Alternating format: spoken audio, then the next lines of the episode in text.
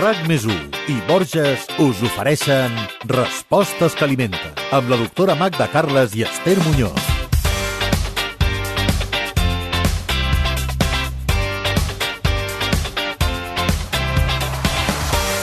Qui més qui menys ha sentit, especialment durant la seva infantesa, que cal esperar dues o tres hores per banyar-nos després de menjar per evitar el popular tall de digestió. Això és un mite o realment té un sentit? Què cal fer i què cal menjar per no tenir un tall de digestió? És recomanable tirar-se de cop a l'aigua? Aquest estiu, abans d'anar a la platja o a la piscina, heu d'escoltar aquest 69è podcast de Respostes que alimenten.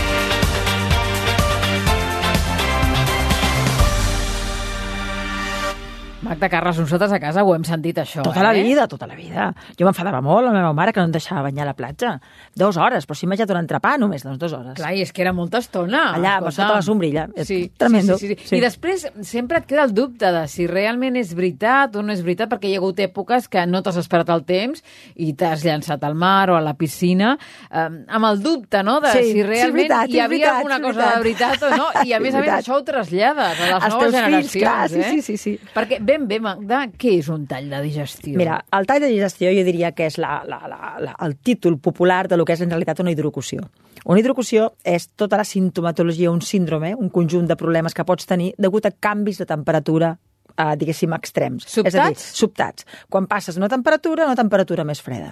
Però no és, el, els símptomes aquests no són per un tall de digestió, són perquè el canvi de temperatura Entens? Vull dir que perquè tinguis una, una, un síndrome d'aquests d'hidrocució, tu pots tenir-lo sense menjar, val? Pots tenir-lo per un canvi de temperatura, per passar d'un ambient més calent a un de fred, de cop, encara que no hagis menjat. Per tant, ja et dic, és la forma popular de dir hidrocució.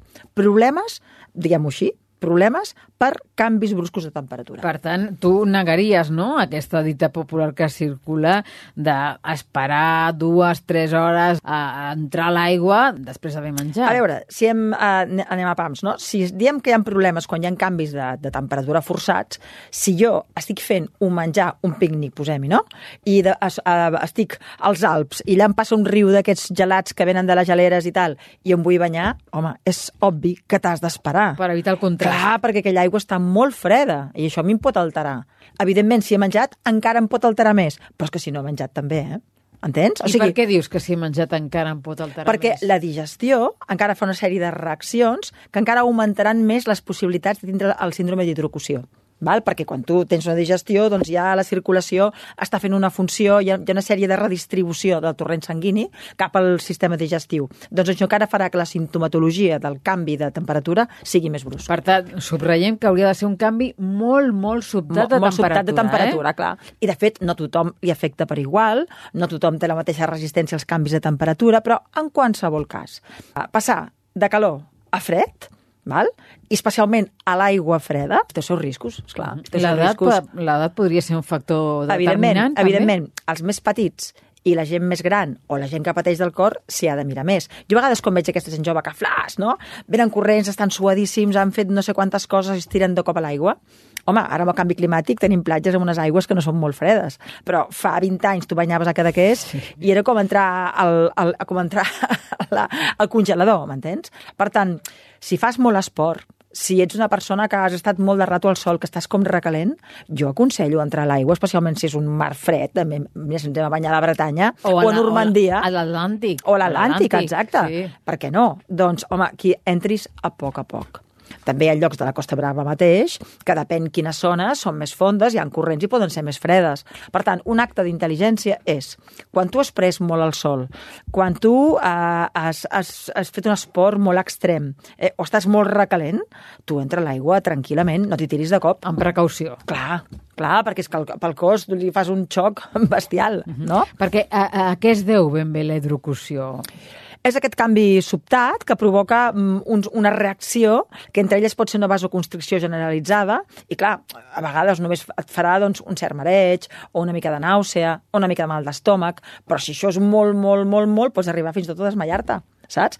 I quin és el perill d'això dintre l'aigua? Que pots afogar. Clar, Clar, el tema... ah, pots ofegar, clar, sí, sí. Per això, quan la gent entra a l'aigua, li diuen, escolta, mm, cuidado, no? Cuidado. Ah, Els símptomes, quins A serien? veure, quan, si tu, per exemple, imaginem, no? Una, una situació de que pot ser aquest estiu. Tu has fet la paella eh, al xeringuito. Allò que has repetit perquè estem a l'estiu i aquelles coses que diem sempre. Amb un vinet blanc, i després un gelat, i després la xerradeta al sol i has fet no sé què més, i fa molta calor i dius, ostres, tu, ara és que ara em vull anar a refrescar, i etc. I entrem a l'aigua de cop i estem en una platja doncs, que no és precisament plana, sinó que té fundari i, per tant, l'aigua està més aviat freda. Eh?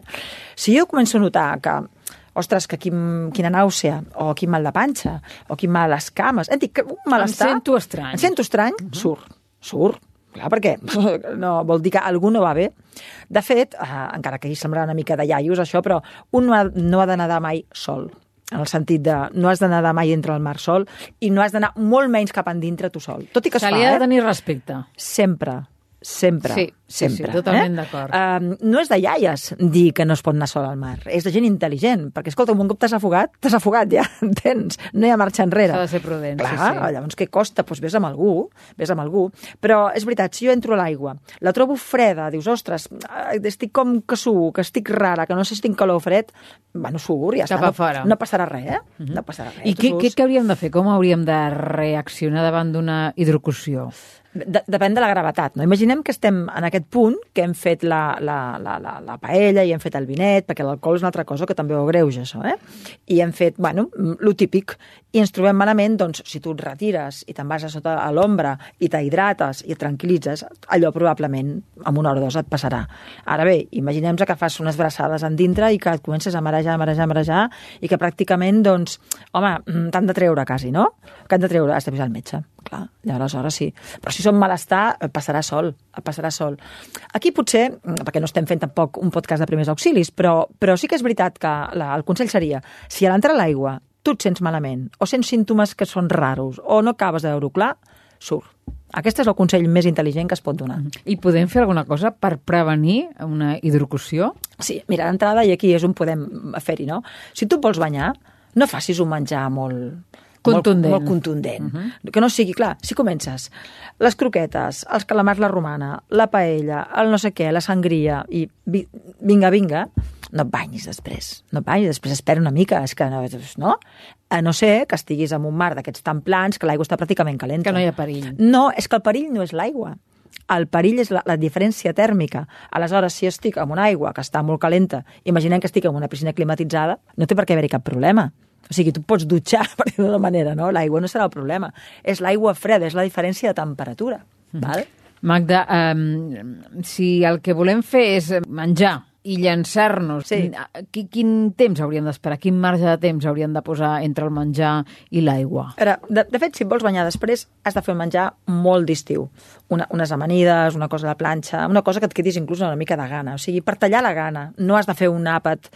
Copiós, no, no has de fer un àpat copiós. Jo crec que si fas això, ets una persona sana, i entres a l'aigua, que per suposat no té que estar molt freda, posem una aigua que està bé, i entres a poc a poc, no té per què passar absolutament res. No cal que esperis res. I si el cas és l'invers, que sí que anem a una celebració, ens trobem amb uns amics, amb uns familiars i fem un àpat copiós de celebració... Dues hores, dues hores, Esther, sí, sí, sí, sí, claríssim. Va, és que jo amb això sóc radical. Mm, per què jugar-se-la? Dues hores. Dues hores, ja està. Si jo, per exemple, imaginem, no? Vaig a una festa. O fem, fem un cas com més idíl·lic. Verbena de Sant Joan, val? Uh, menges allà, però veus... mm, Barreges, Barreges. les postres, el sucre... Clar, quina seria una mala idea? Dir, ara anem a banyar a la platja de nit. No, error. Saps què vull dir? Mm, Això es fa molt. Doncs no és el més intel·ligent. Bueno, si vas a banyar en plan remulladeta no passarà res, però no te s'ocorreixi anar a fer metros en dintre. Eh? No, home, no, perquè no, aquí sí que te la jugues. Uh -huh. Ara, si vas allà a fer el tonto a la vora no passa res, però no te s'ocorreixin a nedar. S'ha de, tindre, de tindre respecte al mar i s'ha de recordar que de nens de 0 a 6 anys l'afogament és una de les causes més freqüents de mort entre els més petits. Eh? Vull dir que, saps? Cada, tu fixa't que cada setmana a l'estiu és tal nen s'ha afogat a aquesta piscina, tal l'altre, i a vegades ni tan sols amb mar oberta molt allà, allà a la vorera. I amb no? la gent gran també. I amb la gent gran Amb la també. gent gran també. Gent de 70 i pico ha tingut un infart perquè a lo millor, eh, això, canvi de temperatura, a lo millor ha volgut nedar més del que podia.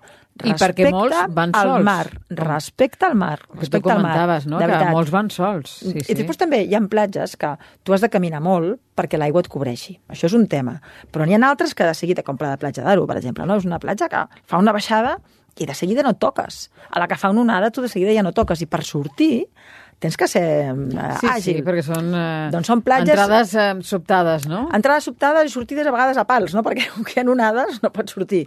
Bueno, doncs aquesta platja, per segons quin tipus de persona gran, no val. No val, no, no, no pots banyar. Abans posaves l'exemple de les celebracions, de les festes Sí, majors, sí. del Sant Joan, no? On, on eh, el qual doncs, eh, hi juga un paper important, Importantíssim, no? no? sí. Qui, quin és aquest paper? Aquest paper és el que l'alcohol ens relaxa, fa una certa vasodilatació, amb la qual encara aquests símptomes d'hidrocució encara serien més marcats. De fet, l'alcohol amb una dosi així ja considerable, no et diré desbordant, però dosi de menjar important, el que fa és que t'atonta una mica, no?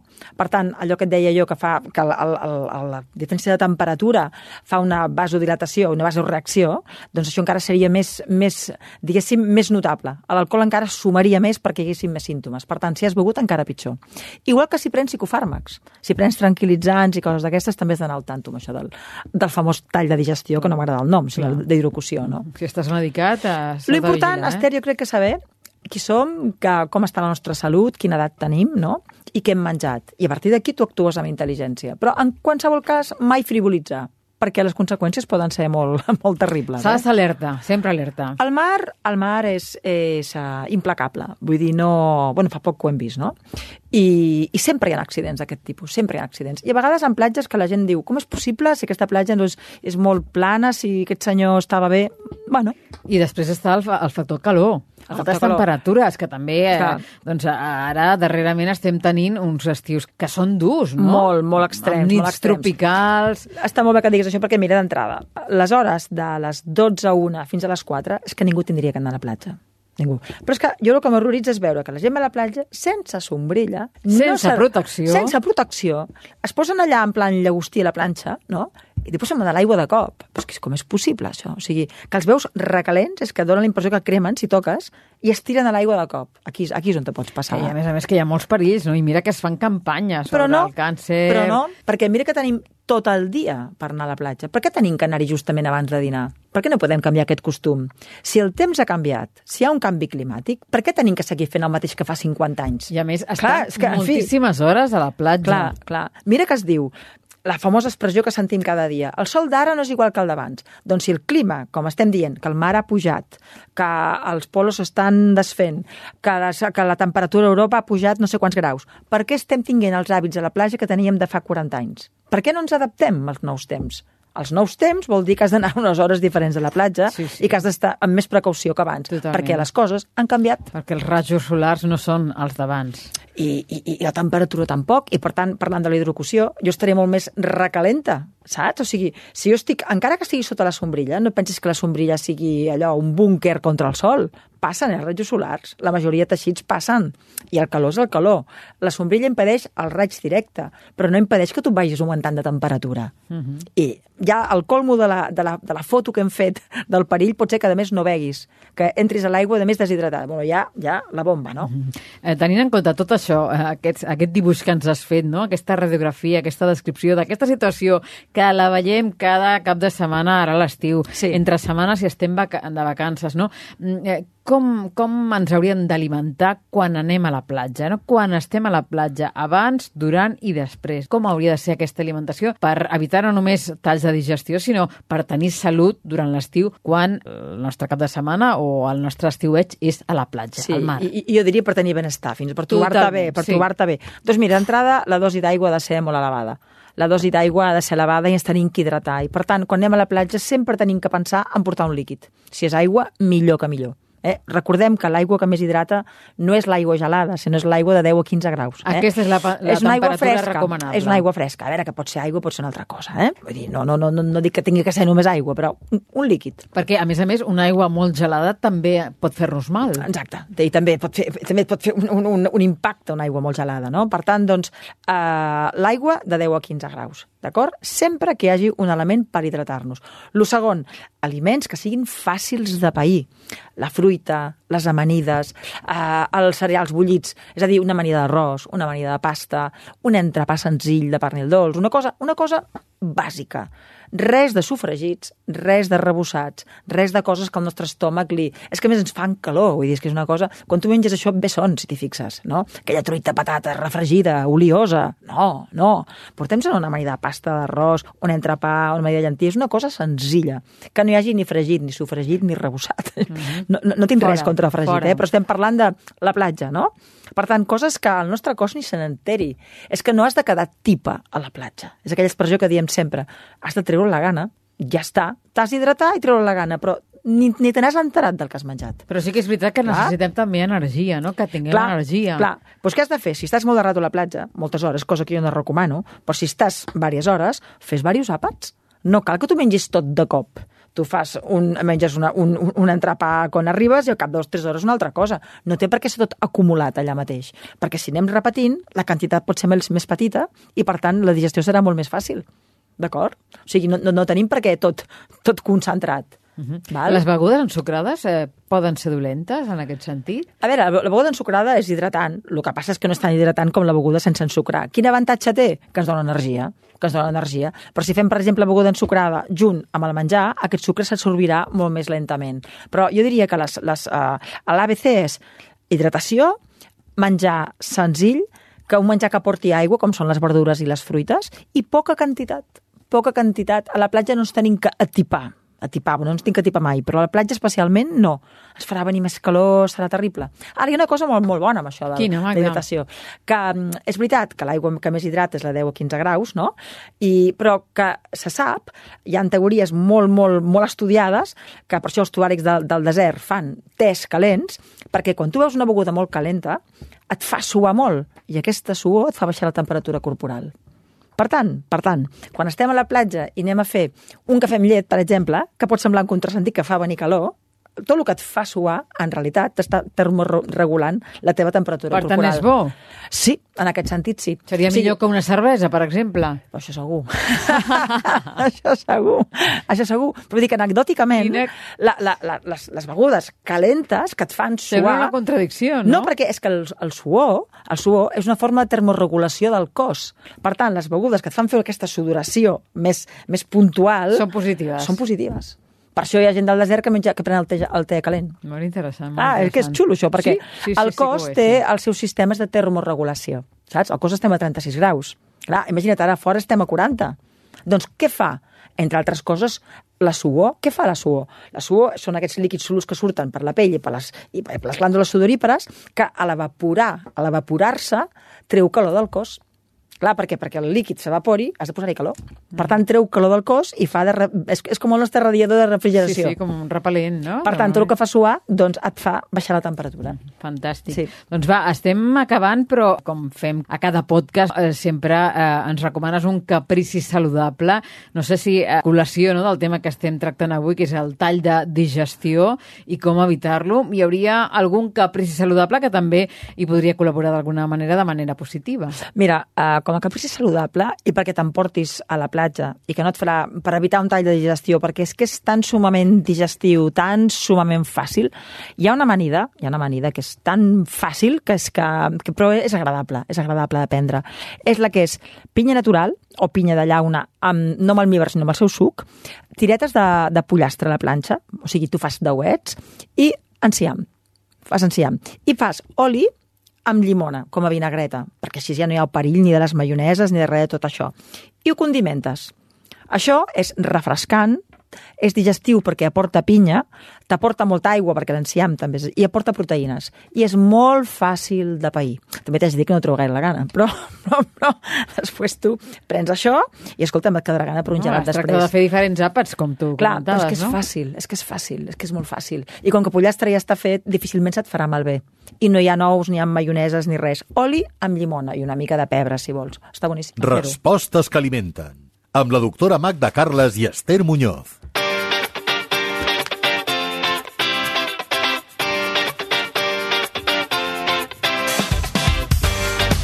Avui estem dedicant el nostre podcast a parlar del tall de digestió, esbrinar si existeix, en tot cas, doncs, tot el que podem fer a nivell de nutrició per evitar-ho. Magda, quins serien els ítems bàsics que hauríem de saber per eh, portar bé aquest tema?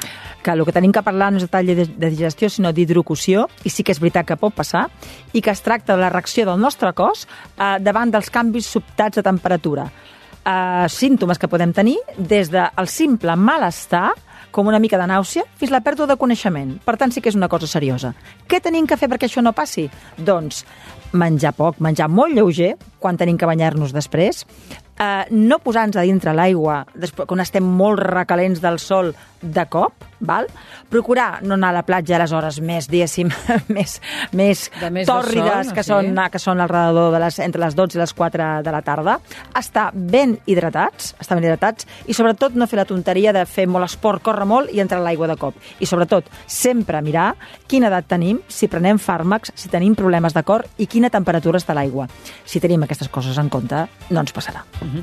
Doncs avui hem fet un podcast eh, número 69 molt, molt estiuenc. D'aquí 15 dies ens retrobem ja, Magda, amb el podcast número 70. Un número rodó, Sí? tindria que fer algú, Sí, algú maco, eh? algo especial, algo sí. especial També d'un número rodó, no, potser? Doncs vinga, va, ho pensem i d'aquí 15 dies eh, estarem aquí amb els oients. Que vagi molt bé. Adéu-siau. Adéu. RAC més 1 i Borges us han ofert Respostes que alimenten amb la doctora Magda Carles i Esther Muñoz.